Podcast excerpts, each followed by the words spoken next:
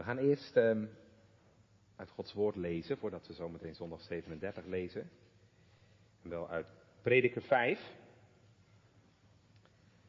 Ehm, de eerste zes versen. Prediker 5, vers 1 tot en met 6. Wees niet te snel met uw mond en uw hart haasten niet een woord voor te brengen voor Gods aangezicht. Want God is in de hemel, gij zijt op de aarde. Daarom laat uw woorden weinig zijn. Want gelijk de droom komt door veel bezigheid, alzo de stem des zots door de veelheid der woorden. Wanneer gij een gelofte aan God zult beloofd hebben, stel niet uit dezelfde te betalen, want hij heeft geen lust aan de zotten. Wat gij zult beloofd hebben, betaal het. Het is beter dat gij niet belooft dan dat gij belooft en niet betaalt. Laat uw mond niet toe dat hij uw vlees zou doen zondigen. En zeg niet voor het aangezicht des engels dat het een dwaling was. Waarom zou God grotelijk stoornen om uw stemmen wil en verderven het werk uw handen?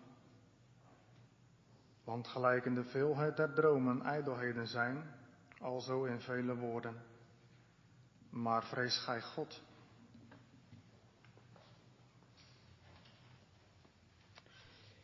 Wees zuinig met je woorden.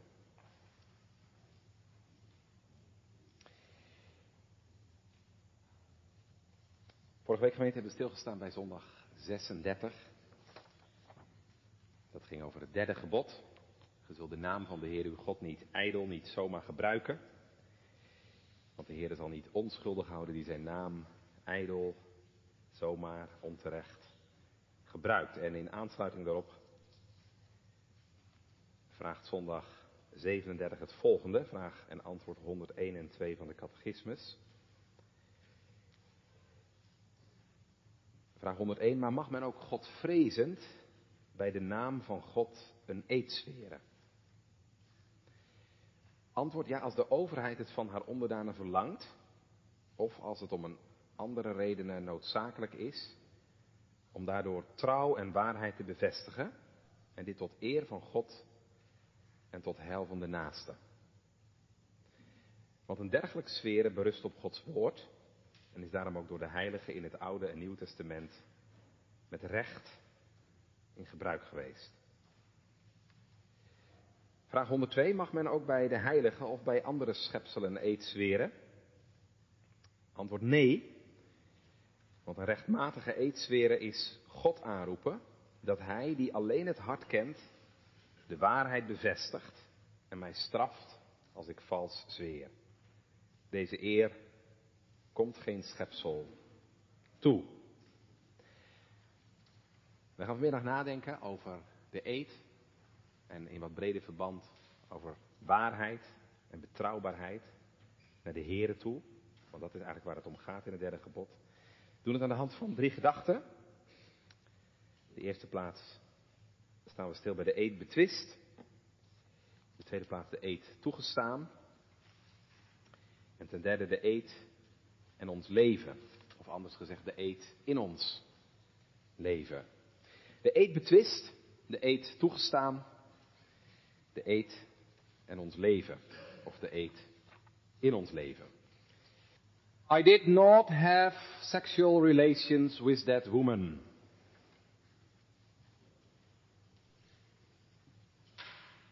Het was misschien wel de grootste leugen van de eeuw. Ik herinner het nog, het was in mijn middelbare schooltijd, januari 1998. Zei Bill Clinton, president van de Verenigde Staten, op een persconferentie in het Witte Huis dat hij geen seksuele verhouding had gehad met that woman, Monica Lewinsky. Een verklaring die hij later onder Ede herhaalde.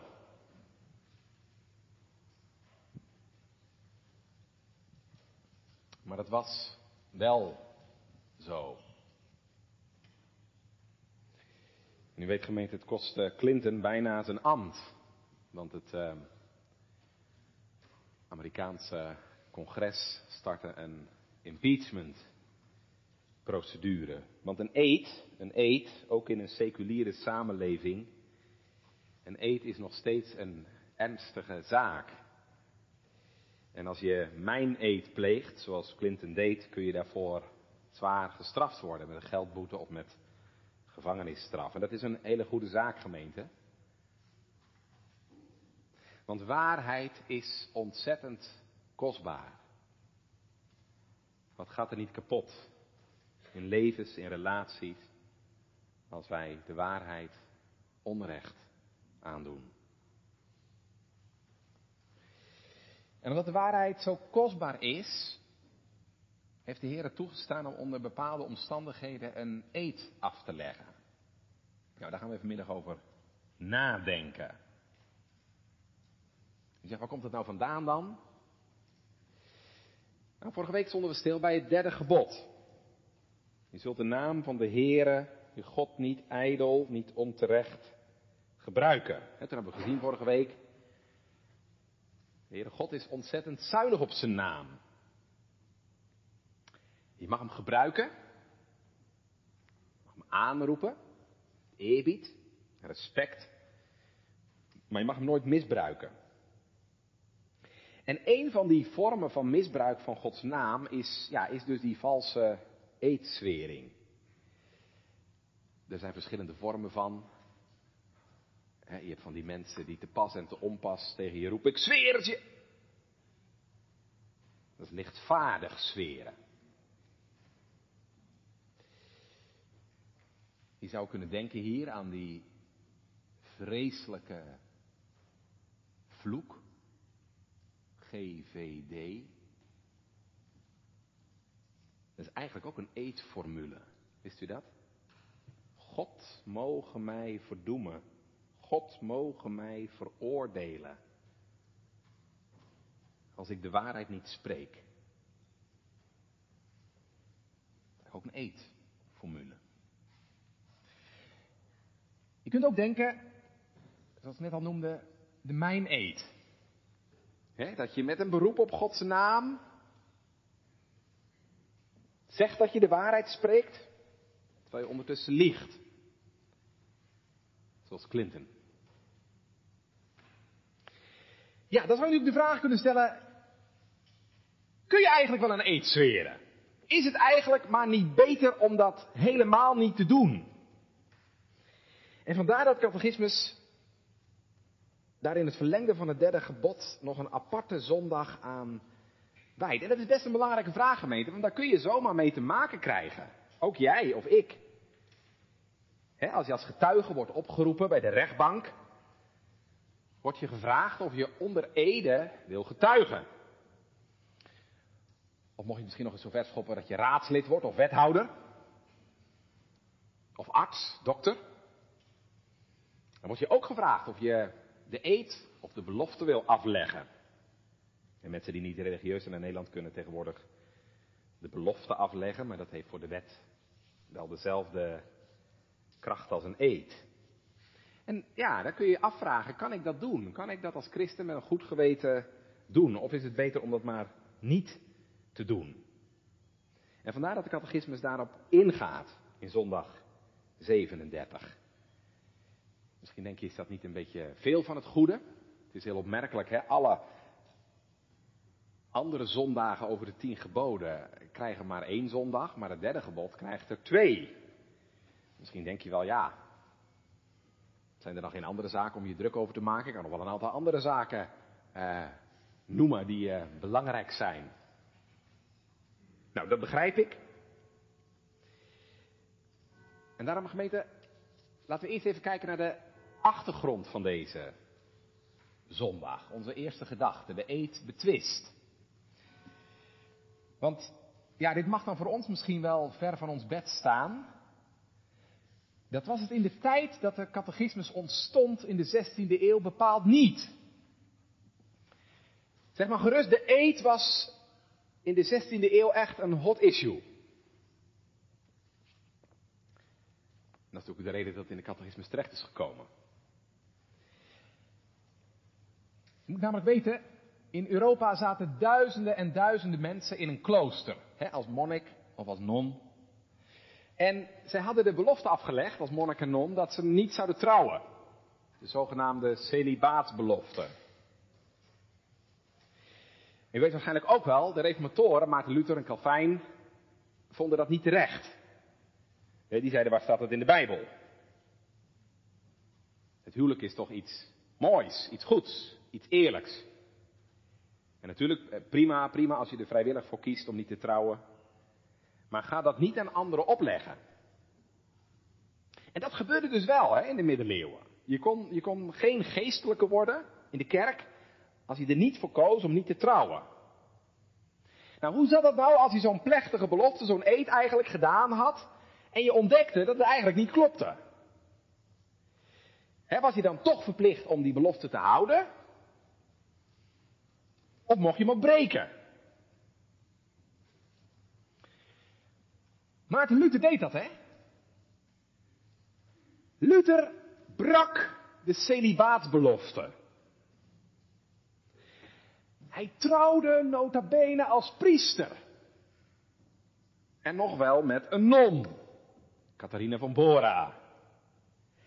Heel Europa hield zijn adem in. Want dat moest God toch wel straffen.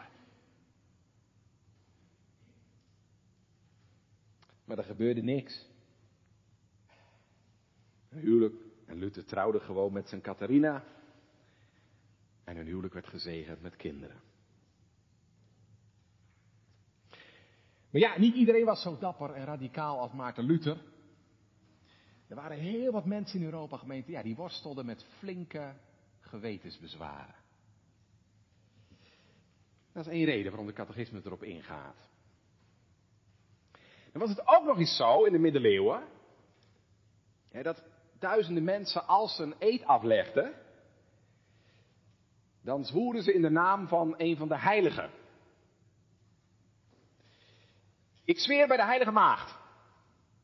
Of bij het hoofd van Johannes de Doper. Maar ja, heilige verering, daar moesten de reformatoren ook al weinig van hebben. Hoe zit het dan met zulke eden? Zijn die geldig of niet? dat ziet u terug in vraag 102. Mag men ook bij de heilige of bij andere schepselen een eed zweren? En het antwoord is natuurlijk nee. Dat mag je alleen in Gods naam doen. Deze eer komt geen schepsel toe. En dan is er nog een derde factor. En dat waren de Anabaptisten.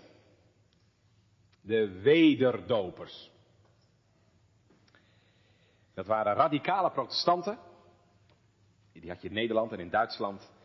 En die zeiden, je moet helemaal geen eed zweren. Staat toch in de Bijbel? Een christen hoort helemaal niet te zweren. Waar hadden ze dat vandaan? Nou, zijn brief is over de bergreden. Ik ga het er even bij pakken, Matthäus 5. Moet je maar eens horen wat Heer Jezus daar zegt. Um, vers 33.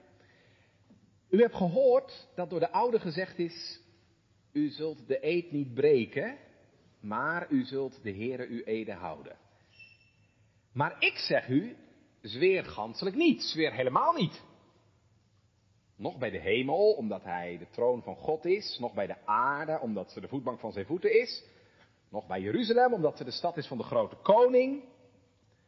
Nog bij uw hoofd zult u zweren, omdat u niet één haar kunt wit of zwart maken. Maar laat zijn uw woord ja, ja, nee, nee. En wat boven deze is, dat is uit de boze. Nou, dat is toch duidelijk gemeente? Dat zegt de Heer Jezus, je moet helemaal niet zweren. Dat is niet voor tweeërlei uitleg vatbaar. Moet helemaal niet zweren. Nou, die drie factoren, de vele eden en beloften van mensen in het klooster die ineens in een ander licht kwamen te staan, het zweren van andere personen dan God, en de aanwezigheid van mensen die de eed helemaal ontkenden, maakt dat deze vraag 100 101 en 102 in onze catechismus staan. En u voelt vast wel aangemeten, er ligt hier natuurlijk wel een probleem op tafel. Hè? Want die Anabaptisten, die wederdopers, hadden natuurlijk wel een punt. Die legden een heel krachtig argument op tafel. Want wat is nou krachtiger dan het woord van de Heer Jezus zelf? Dus ja, hoe zit dat nu? Mag je nou wel zweren of niet? Of, of mocht dat misschien alleen maar in het Oude Testament en in het Nieuw Testament nu niet meer, nu Jezus is gekomen? Bedoelt hij dat soms? Nou, daarom gemeente is goed als we even gaan kijken wat de Bijbel erover zegt. En dat brengt me op mijn tweede gedachte. We hebben gekeken naar de eed betwist. We gaan in de tweede plaats letten op de eed toegestaan. En dan geef ik eigenlijk natuurlijk al een voorschot op de conclusie. Maar dat is straks mijn conclusie. De eet is toegestaan onder bepaalde voorwaarden. In Israël was het toegestaan om een eed te zweren. zowel in het dagelijkse leven als ook bij de rechtspraak. Zegt professor Rooker, oud-testamenticus, werd geregeld God als getuige aangeroepen of een eed gezworen. En dat kom je ook op verschillende plekken in het Oude Testament tegen. Hè? Deuteronomium 10. Daar lezen we bijvoorbeeld. De Heere uw God zult u vrezen. Hem zult u dienen. Hem zult u aanhangen. En bij zijn naam zweren. Dus je mag bij de naam van de Heere zweren. Wat uiteraard niet was toegestaan, was dat je bij andere goden zweerde, zwoer. En dat gebeurde natuurlijk ook regelmatig. U weet dat in Israël heel wat keren we er melding van krijgen dat de Baals en de Astarots en andere afgoden gediend werden. Maar de Heer zegt heel uitdrukkelijk in Jozua 23, ga niet in tot deze volken die bij u overgebleven zijn. Gedenk ook niet aan de naam van hun goden en doe er niet bij zweren. En het tweede wat uiteraard ook niet was toegestaan, was natuurlijk een valse eed zweren. Ook daar is de Bijbel duidelijk over. Leviticus 19 vers 12. Zegt de Heer, u zult niet valselijk bij mijn naam zweren, want ge zoudt de naam van uw God ontheiligen. Ik ben de Heere. Dus als je vals bij de naam van de Heere zweert, dan is dat een ontheiliging van Gods naam. Waarom? Ja, dan doe je eigenlijk hetzelfde als het derde gebod zegt. Hè? Dan misbruik je de naam van God. Denk even aan wat Bill Clinton deed. Ehm, je, je bedekt jouw leugen met de heilige naam van God, met de naam van Hem die de waarheid is. Dan, dan minacht je, dan veracht je de Heere. Natuurlijk, hè, die snapt allemaal, iemand doet dat vaak uit lijfsbehoud. Maar dan heb je ja, je eigen hachje liever dan de waarheid. En je hebt je eigen hachje liever dan de God van de waarheid. Als je daar niet van bekeert, als je daar geen berouw over hebt, dan is dat een vreselijke zonde die niet ongestraft zal blijven. Zweer je een eet, moet je hem ook houden.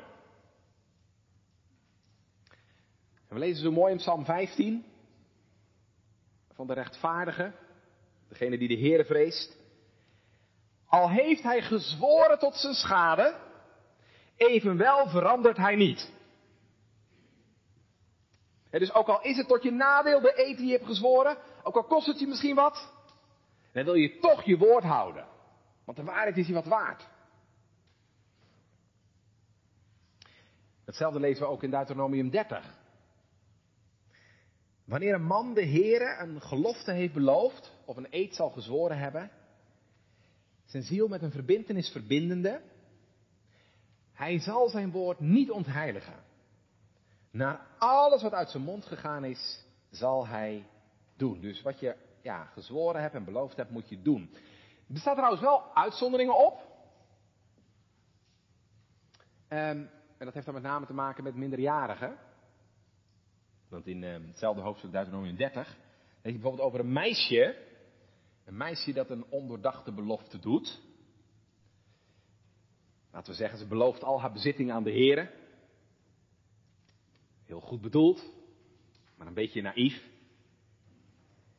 He, dan zegt de Bijbel, als, zij, als haar vader dat niet goedkeurt, dan is dat meisje niet aan haar belofte, aan haar gelofte gebonden.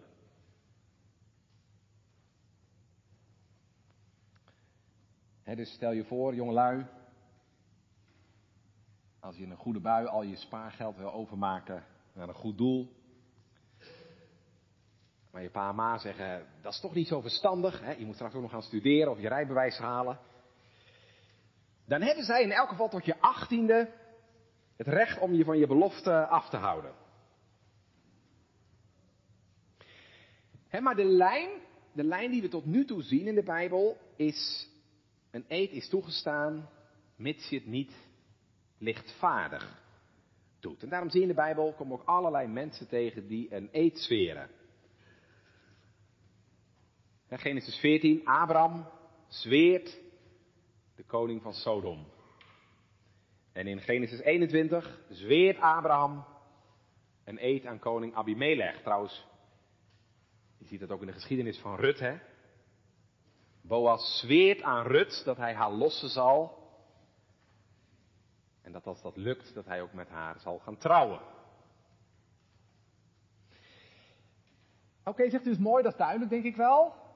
Deze gegevens, maar, maar hoe zit het nou toch met die lastige tekst? Waar u straks mee aankwam. Die, die tekst waar die Anabaptisten mee aankwamen uit de bergreden. Nou, daar moeten we inderdaad nog wel even goed naar kijken, gemeente, want vaak is dat het argument. Eh, ook tegenwoordig heb je ja, groeperingen, mensen die zeggen dat je als christen beter mag in eet kunt zweren, dat je dat niet moet doen. Um, daarom is het goed om even, en dan beroepen ze zich vaak op dat gedeelte uit de bergreden, uit Matthäus 5. Waar gaat het over in Matthäus 5? Um, de Jezus zegt, zweer helemaal niet. Niet bij de hemel, niet bij de aarde, niet bij Jeruzalem, niet bij je hoofd. Wat bedoelt hij? Nou, wat hier bedoelt, gemeente, wordt eigenlijk al duidelijk hè, in de voorbeelden die hij noemt. Zweren bij je hoofd, zweren bij Jeruzalem. Het gaat de Heer Jezus niet zozeer om het zweren aan zich. De Heer Jezus verzet zich vooral tegen het, het lichtvaardig zweren.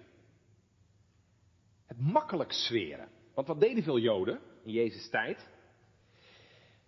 Nou, zij zweerden niet bij de naam van God. Zoals wij dat doen. Zo waarlijk helpen mij God almachtig. Dat zou een Jood niet zeggen. Ja, want ik heb u vorige week verteld, hè, de Joden vonden de naam van God zo heilig, dat ze hem liever maar helemaal niet uitspraken. En daarom gingen ze van de weeromstuit maar bij allerlei andere dingen zweren. Dus niet bij God, maar wel bij de hemel. Of bij de aarde, of ik zweer bij mijn hoofd. En ze dachten dan ook gelijk, ja, dat dat dan een beetje minder ernstig, een beetje minder belangrijk, een beetje minder serieus was dan wanneer hij zou zweren bij God. Het zweren bij God, dat mocht dan niet. Maar verder zwoeren ze overal bij. En omdat die dingen toch minder belangrijk waren dan God, ja, was het ook niet zo erg als je daar niet aan zo'n belofte of eet hield. Dus er was een praktijk ontstaan, zeg maar, hè, waarbij mensen heel makkelijk zweren. Maar vervolgens zich helemaal niet aan hun eet hielden. Dan zegt Jezus in de bergreden, dan kun je maar beter helemaal niet zweren. He, hou het dan gewoon bij ja, ja of nee, nee. Laat je ja, ja zijn en je nee, nee en de rest is uit de boze. u, hebt dat zelf al eens misschien ervaren, hè? Mensen die telkens tegen je zeggen, ik zweer het je. Ik zweer je dat ik je de waarheid spreek. Dat zijn meestal mensen, gemeenten, die, die je bij volbaat maar beter niet kunt vertrouwen. want als je telkens weer je toevlucht tot zulke zware woorden moet nemen, om nog een beetje geloofwaardig over te komen, dan is dat meestal al een teken dat zulke mensen helemaal niet betrouwbaar zijn en je niet op ze aan kunt. Dus, Jezus veroordeelt niet zozeer het zweren op zich, maar vooral het lichtvaardig zweren. En dat dat zo is, eh, dat Jezus op zich geen moeite met de eet had, zie je natuurlijk het meest duidelijk bij zijn eigen veroordeling. Als de Heer Jezus voor de hoge priester Annas staat. Um, want wat gebeurt er dan? Dat weet u wel. Dan zegt Annas tegen Jezus: Ik bezweer u bij de levende God. Dus met andere woorden, ik stel je onder ede. En dan protesteert Jezus niet. Dan zegt Jezus niet, dat doe ik niet, of dat doe ik niet aan mee. Dus zelfs Jezus, die de waarheid is, ik ben de waarheid, zelfs Jezus heeft geen bezwaar aangetekend toen hij onder ede gesteld werd. Dus ook in het Nieuw Testament gemeente zie je dat de eed nog regelmatig voorkomt en toegestaan is. Hè? Denk alleen al aan de brieven van de apostel Paulus. Hoe vaak lees je niet hè? Ehm, dat Paulus zegt, God is mijn getuige. Of ik roep God tot mijn getuige. Dat is eigenlijk ook een vorm hè, van eedswering. Nou, het zal inmiddels denk ik wel duidelijk zijn dat we kunnen concluderen dat uh, de titel van mijn tweede gedachte juist is. De eed is toegestaan. En dat brengt ons gemeente bij onze laatste gedachte. En dan wil ik nog een ogenblik met u stilstaan bij de eed en ons leven. De eed in ons leven. En we hebben vanmiddag gezien dat de Heer de eed heeft toegestaan. Wij leven in een wereldgemeente waarin eden soms nodig zijn. Helaas, zeg ik er wel bij. Helaas. Want gemeente, dat een eed soms nodig is, laat je weer even zien dat wij in een gevallen wereld leven. Hè? Dat de eed soms nodig is, laat zien dat we in een wereld leven vol leugen en onwaarheid. Brian Edwards zegt, en heeft hij helemaal gelijk in, uit het feit dat mensen zweren bij een derde onafhankelijke partij. Daaruit blijkt voldoende dat mensen van nature leugenaars zijn. Wij kunnen elkaar niet vertrouwen, daarom moeten we ons beroepen op een hogere instantie. Een eetgemeente zou natuurlijk eigenlijk niet nodig moeten wezen. In een ideale wereld zou een eet niet nodig zijn. Straks in het koninkrijk van God is de eed niet meer nodig. Dus de eedgemeente bepaalt ons vanmiddag ook bij onze zonde, bij onze zondigheid. Laat ons zien, gemeente, dat ik en jij van nature geboren leugenaars zijn. Wij zijn in het paradijs de vader van de leugen toegevallen. En daarom zit er in ons leven ja, zoveel onwaarheid, zoveel onwaarachtigheid. Maar God is de God van de waarheid. De God die de waarheid lief heeft. De Heer Jezus zegt het zelf, hè? ik ben de weg, de waarheid en het leven. Ik ben de waarheid en daarom eist God ook van ons de waarheid en dat wij de waarheid doen en lief hebben. En dat roept natuurlijk de vraag op gemeente, hoe zit het met onze eden en beloften? En dat bedoel ik vanmiddag, gemeente, vooral ja, onze eden en beloften naar de Here toe. De eden en beloften die wij de Here doen. Hè? Want dat is natuurlijk waar het in het derde gebod over gaat. En straks in het negende gebod gaat het over waarheid naar elkaar toe. Mensen onderling, hè? U zult geen vals getuigenis spreken tegen uw naaste. Maar in het derde gebod gaat het erover dat je geen vals getuigenis spreekt tegen God. Dat je waarachtig bent naar de Heer toe. Moet u dan niet zeggen, gemeente vanmiddag? Ligt daar niet heel veel schuld in jouw en mijn leven? dat je dingen aan de Here hebt beloofd. Maar wees nou eens eerlijk, wat kwam er nou van terecht? Dat kan hè? Je was geraakt door die preek. Of door het stukje wat je in de Bijbel las. Ik dacht, ik moet het anders doen. Het moet echt anders in mijn leven. Heren, ik beloof u dat ik voortaan elke dag uit, uit uw woord zal leven, uit de Bijbel. En? Hoe lang hield jij het vol? Heren, ik zal niet meer. Nou, vul maar in, hè? Naar die foute muziek luisteren. Heer, ik zal niet meer roken. Mezelf bevredigen. Hoe lang hield hij het vol? Voortaan ga ik zondag twee keer naar de kerk. Hoe lang hield hij het vol? Voortaan zal ik meer geven aan mijn naasten. Wat kwam er van terecht? Gemeente, dat valt ook onder dit gebod.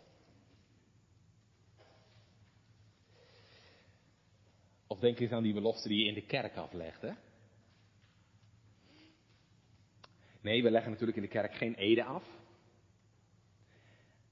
Maar gemeente, de plechtige beloftes die wij aan God doen, komen die niet op hetzelfde neer? Ja, toch? Weet je nog, toen je hiervoor in de kerk stond, op de dag van je beleidenis? Twee, drie, vier, vijf jaar geleden. Lieve kattegezanten. Toen je beloofde de Heer te volgen. Toen je beloofde Hem te willen beleiden voor de mensen. En trouw te zijn onder de bediening van het woord en de sacramenten, weet je nog? Te volharden in het gebed en in het lezen van de Bijbel. Doe je het ook?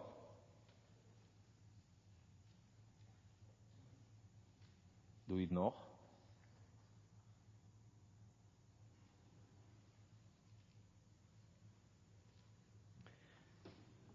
Elke dag je Bijbel openen, je handen vouwen. Zondag naar de kerk komen.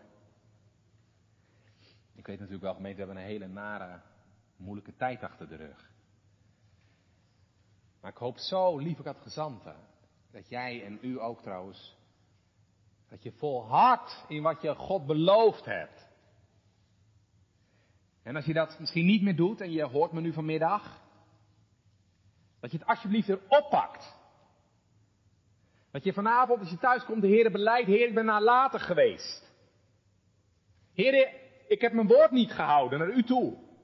Heer, ik heb er spijt van, ik heb er berouw over. Heer, wilt u me alsjeblieft kracht geven om het wel te doen? Want ik ben zo zwak, Heer.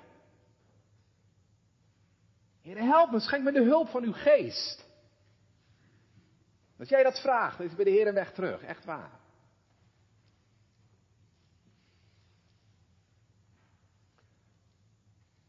Of weet je nog, de dag dat je voor in de kerk stond? Zo blij, zo gelukkig. Toen je elkaar je jawoord mocht geven. Twee, drie, vier, vijf, tien, vijftien, twintig jaar geleden. En je man of vrouw plechtig beloofde. Ik zal je lief hebben. En ik zal je trouw blijven. En ik zal voor je zorgen dat je je man zou gehoorzamen en dienen en liefhebben. Wat heb je ervan terechtgebracht?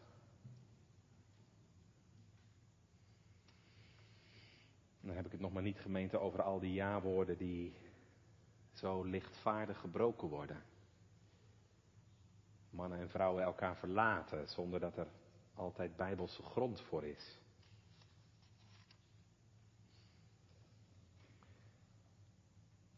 Misschien is jouw huwelijk in zwaar weer gekomen.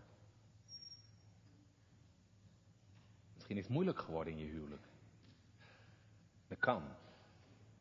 Dat komt in de beste huwelijk voor. Wil je daar nog eens terugdenken aan de dag dat je hier stond? Wil je dan nog eens terugdenken aan de dag dat je de Heere beloofd hebt? En weet je, dat mag ik er gelukkig ook bij zeggen. De Heer heeft jou ook wat beloofd, hè, toen. Want hij heeft beloofd, ook aan jou, dat hij de getrouwden altijd wil helpen en bijstaan.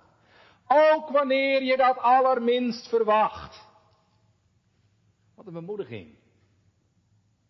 Als er zorgen zijn in je huwelijk, als het moeilijk is. Ga dan nog eens terug aan wat God je beloofd heeft die dag. Wat jij hem beloofd hebt, maar ook wat hij jou beloofd heeft.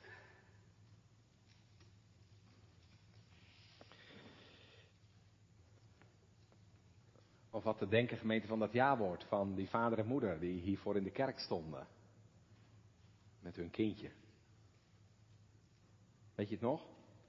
Belooft u dit kind waarvan u vader en moeder of getuige bent, bij het opgroeien naar uw vermogen, te onderwijzen en te laten onderwijzen? Welke ouder durft vanmiddag te zeggen, dominee dat heb ik gedaan zoals het hoort.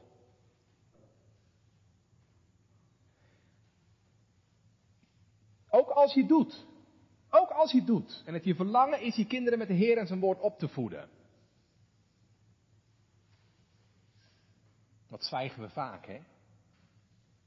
Maar we zouden moeten spreken. En wat zijn we vaak weinig een voorbeeld voor onze kinderen. En wat is ook bij Godvrezende ouders het licht dat we in hun leven laten schijnen? Vaak zwak. Om nog maar niet te spreken over die ouders die wel hun jawoord gaven.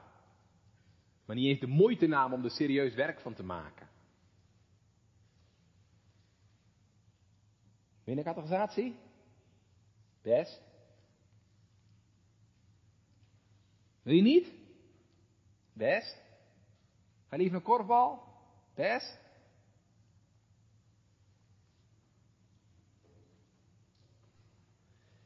Maar God is getuige van onze eden. En onze belofte. De Heere zegt, je zult de Heere je eden houden. Gij zult de Heere uw eden houden. En zo niet, dan zal de Heer het zien en zoeken.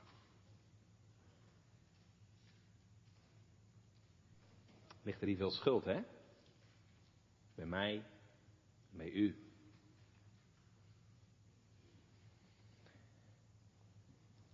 Is ook tot schuld?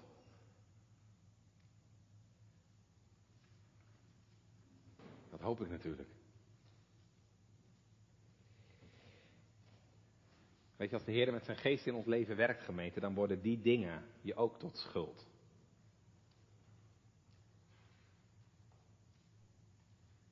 Dat hoor ik wel eens bij ouders. En dominee, ik schaam me zo dat ik nooit met mijn kinderen er vroeger over gesproken heb. Het is nu gelukkig anders, maar toch, die pijn zit er wel. Hè?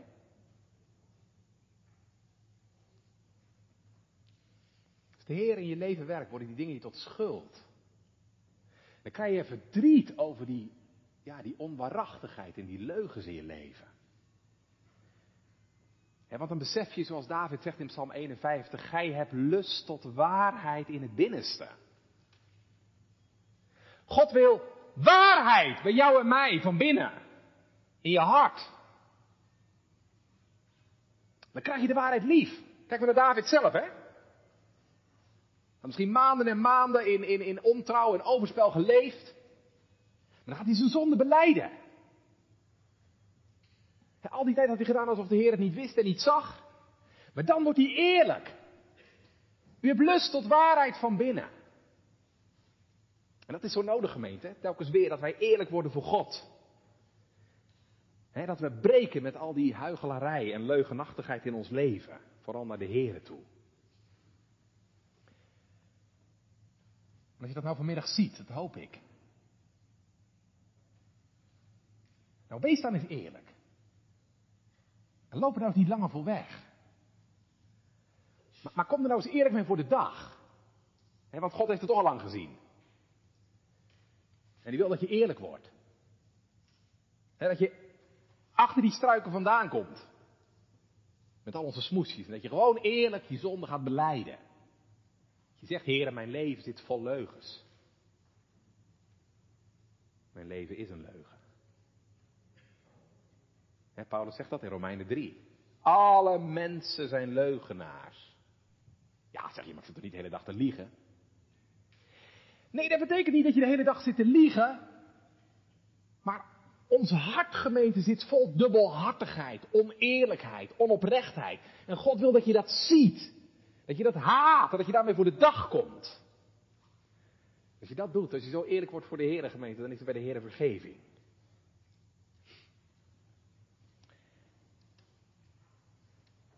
Maar er gaat wel wat veranderen. En David bidt in diezelfde Psalm 51, schep in mij een rein hart. En rein betekent hier zoiets als puur, oprecht. Heere, geef mij een oprecht, een eerlijk hart.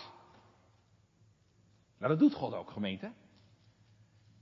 Als de Heilige Geest hier komt wonen, dan kan hij natuurlijk geen gemeenschap hebben met die leugenachtigheid en die dubbelhartigheid in ons leven. Dan gaat hij ons hart veranderen. En dat wil je zelf ook.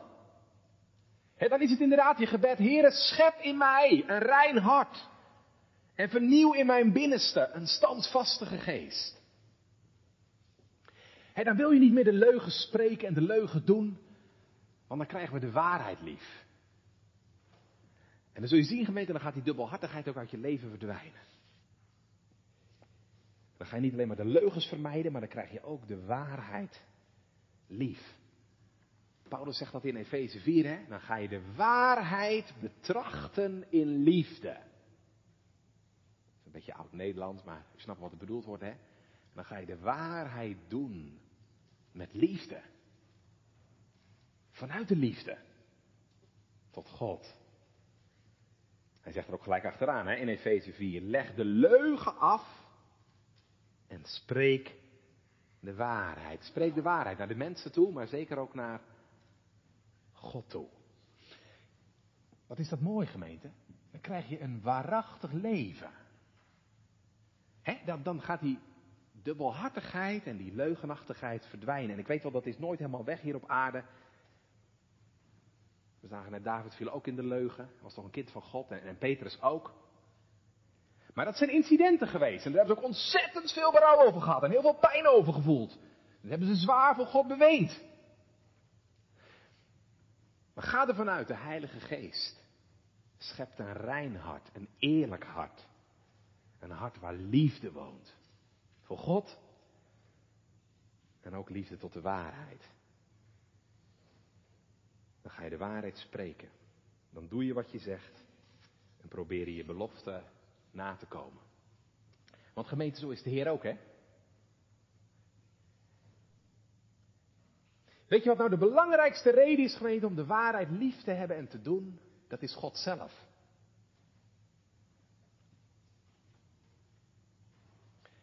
Zo is de Heer. Hij is de waarheid en hij spreekt de waarheid. Al zijn woorden, gemeente, zijn waar en betrouwbaar. Daar kun je van op aan, van A tot Z, van Genesis tot openbaring. Al wat hij ooit beloofd heeft, we gaan het zo zingen, zal bestaan. Wat is dat een geweldige troost. Dat de Heer niet is zoals wij. Ik zei, wij zijn ja, vaak zo onwaarachtig, onbetrouwbaar, leugenachtig. Maar dat kun je nou van de Heere gemeente nooit zeggen. Wat staat er in nummer 23 als een tekst om uit je hoofd te kennen? God is geen man dat hij liegen zou. Geen mensenkind dat het hem berouwen zou. Zou hij het zeggen en niet doen? Zou hij spreken en het niet bestendig maken? God is niet als wij. Hij is geen mens die liegt. Nee, of zijn woord kun je aan. En ik zeg dat gemeente, want wat is dat een, wat is dat een troost? Wat is dat een troost voor een arme zondaar? Dat je mag weten, maar er is een God die woord houdt. Al zijn beloften zijn ja en amen. Al zijn beloften, of het nou gaat gemeente om bekering, of het nou gaat om vergeving van je zonde, of het nou gaat om een nieuw hart, of het nu gaat om vernieuwing van je leven, of het nu gaat om de Heilige Geest in je leven, dat wil de Heer nou geven. Hoe weet ik dat? Dat heeft hij beloofd. En dan moet u eens heel goed luisteren, en dan ga ik eindigen.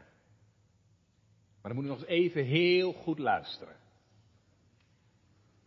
Want dan ga ik u iets heel bijzonders vertellen, gemeente. Die God, hè?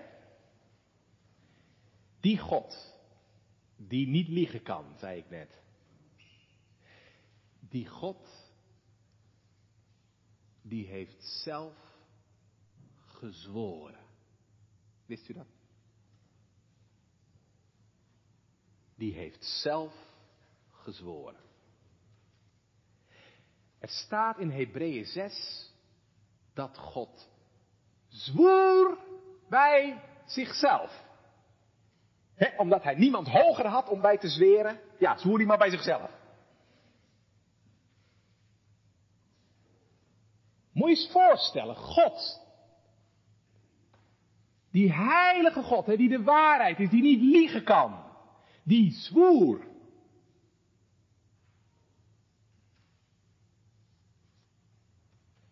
aan ons. Ja, aan ons. Aan kleine, leugenachtige, onbetrouwbare mensenkinderen. Wat heeft hij dan gezworen? Daar wil ik graag mee eindigen. Drie dingen. Hij zwoer in de eerste plaats een eed aan alle zondaren. Ben jij een zondaar? Nou, dan is die eed ook voor jou. God zwoer een eed aan alle mensenkinderen. En hij zei, zo waarachtig als ik leef. Ik heb geen lust aan de dood van de goddeloze. Maar hierin heb ik lust dat je je bekeert en leeft. Bekeer u, bekeer u, want waarom zou je sterven? En deze eed geef ik vanmiddag namens mijn zender aan iedereen in Arnhemuiden mee die zich nog niet waarachtig tot God bekeerd heeft. Ben jij het? Bent u het? Ik zeg het u in de naam van mijn zender. God heeft geen lust in uw dood, maar hij wil dat je je bekeert en leeft. God zwoer nog een eed. Dat is de tweede. Een eed aan alle gemeenteleden. Een eed aan alle mensen in de kerk. Ben je gedoopt vanmiddag? Als u gedoopt bent, gemeente, dan heeft God u zijn eed gegeven. Hij staat op uw voorhoofd. Zo waar, als ik dit water op je hoofd spreng. Zo waar is mijn belofte, dat ik zondaren aanneem tot mijn kinderen. Dat ik je reinigen wil van al je zonden. En met mijn geest in je wonen en werken wil. Heeft God aan jou en u gezworen. En de derde eedgemeente is de eed die God zweert aan al zijn kinderen. Tot uw troost. Hij staat in Jezaja 54.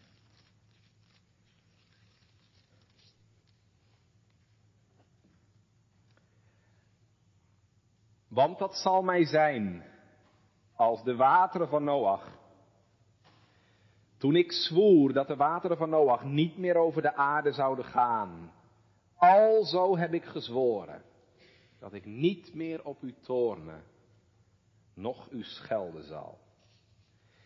Want bergen zullen wijken en heuvelen wankelen. Maar mijn goede tierenheid, mijn liefde betekent dat, zal van u niet wijken En het verbond van mijn vrede zal niet wankelen, zegt de Heer, uw ontfermer. En deze eed mag ik vanmiddag doorgeven tot troost van alle die de Heere vrezen.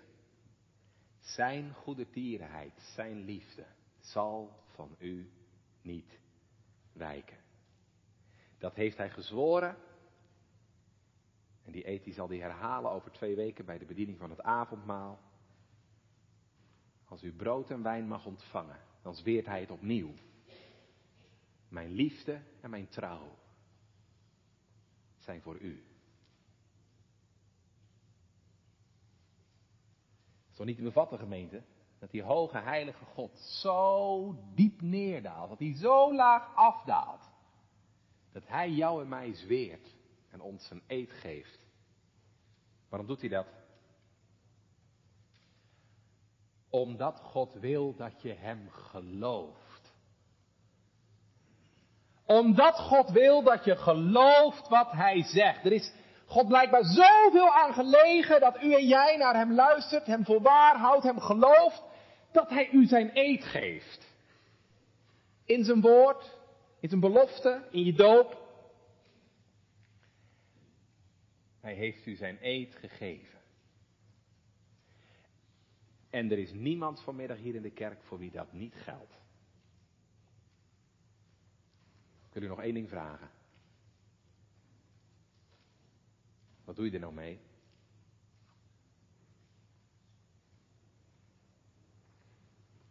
Je legt Gods eed toch niet naast je neer?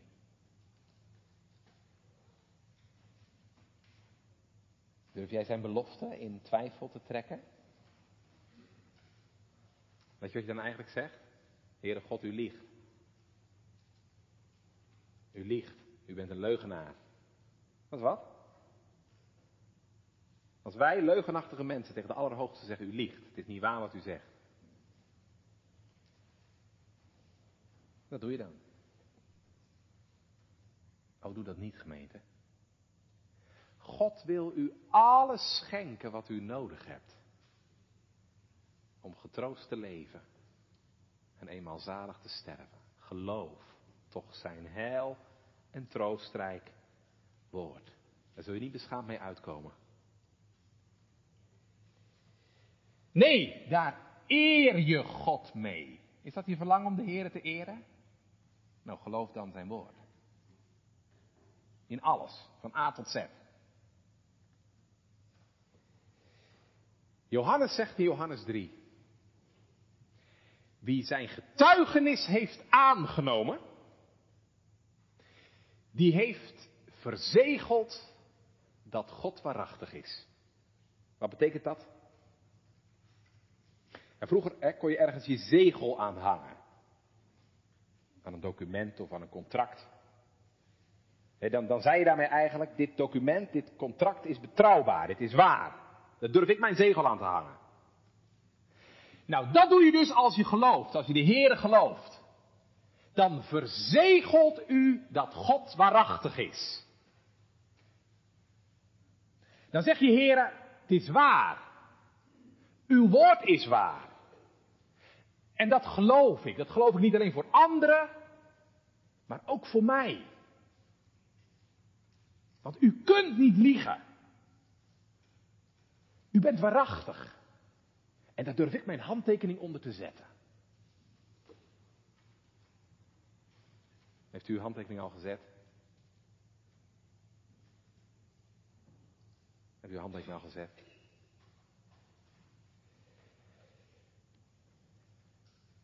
Groter eergemeente kun je God niet geven. Want dan neem je de Heer op zijn woord. Heer, ik geloof wat u gesproken hebt. Groter eer kun je God niet geven. En je zult er niet beschaamd mee uitkomen. Want het is echt waar. Die het beloofd heeft, is getrouw. Zeg je daar aan op? Ik wel. Amen.